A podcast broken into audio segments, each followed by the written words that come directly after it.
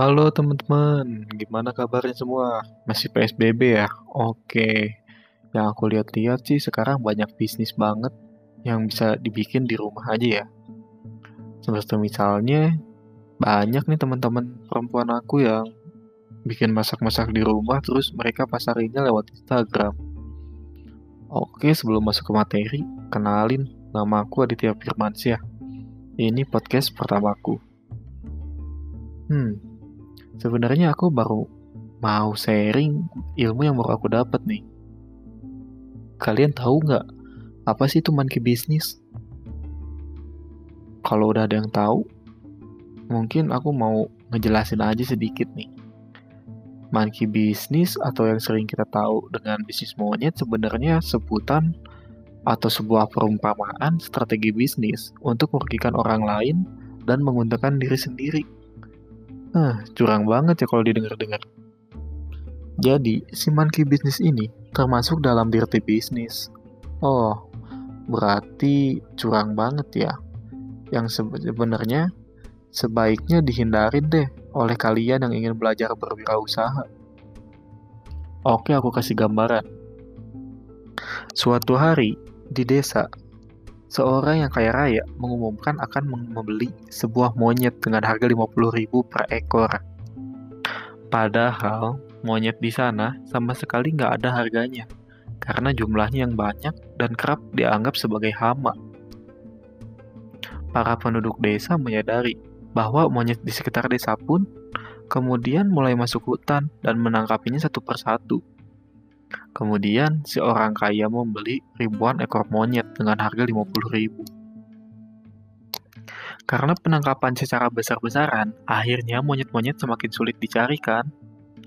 Nah, penduduk desa pun menghentikan usahanya untuk menangkap monyet-monyet tersebut. Maka, si orang kaya pun sekali lagi kembali untuk mengumumkan akan membeli monyet dengan harga 100 ribu per ekor. Wah, warga desa mulai makin antusias nih mencari monyet-monyet ini.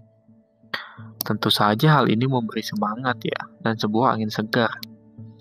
Kemudian, mulai untuk menangkapi monyet lagi si warga desa itu. Gak seberapa lama, jumlah monyet pun semakin sedikit. Hari ke hari semakin sulit dicari. Kemudian, penduduk pun kembali ke aktivitas seperti biasanya, yaitu bertani. Karena monyet kini telah langka, harga monyet pun meroket naik hingga 150 ribu. Tapi tetap aja, monyet udah nggak sangat sulit dicari. Sekali lagi, si orang kaya mengumumkan kepada penduduk desa bahwa ia akan membeli monyet dengan harga 500 ribu per ekor. Uh, harga yang cukup fantastis bukan? Namun, karena si orang kaya harus pergi ke kota, karena ada adu urusan bisnis, asisten pribadinya akan menggantikan sementara atas namanya.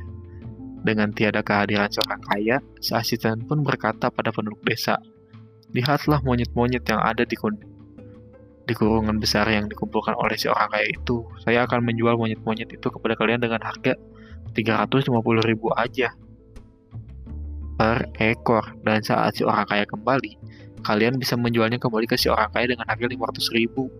Gimana tuh? Akhirnya penduduk desa pun mengumpulkan uang simpanan mereka pasti mereka tertarik banget kan? Bahkan banyak yang menjual aset, kredit ke bank, dan membeli sebuah monyet yang ada di kurungan. Namun kemudian, mereka nggak pernah lagi tuh ngeliat seorang kaya maupun asisten di desa itu. Nah, itulah yang dikatakan orang sebagai monkey bisnis. Pokoknya, teman-teman harus hati-hati ya, jangan terjebak monkey bisnis. Si strategi seperti ini biasanya dilengkapi juga dengan propaganda bisnis yang luar biasa dengan cara pameran-pameran, seminar-seminar, dan event besar dengan harga yang menggiurkan sehingga masyarakat banyak yang tertarik untuk mengikuti bermain di dalamnya. Padahal di event itu aktornya adalah para orang-orang kapitalis yang bersandiwara untuk mengikat masyarakat banyak. Pokoknya teman-teman jangan tergiur profit yang tidak masuk akal deh. Nah, segitu aja ya sharing kali ini. Semoga bahasan-bahasan lainnya akan lebih menarik. Pantengin aja ya podcastku. Dadah.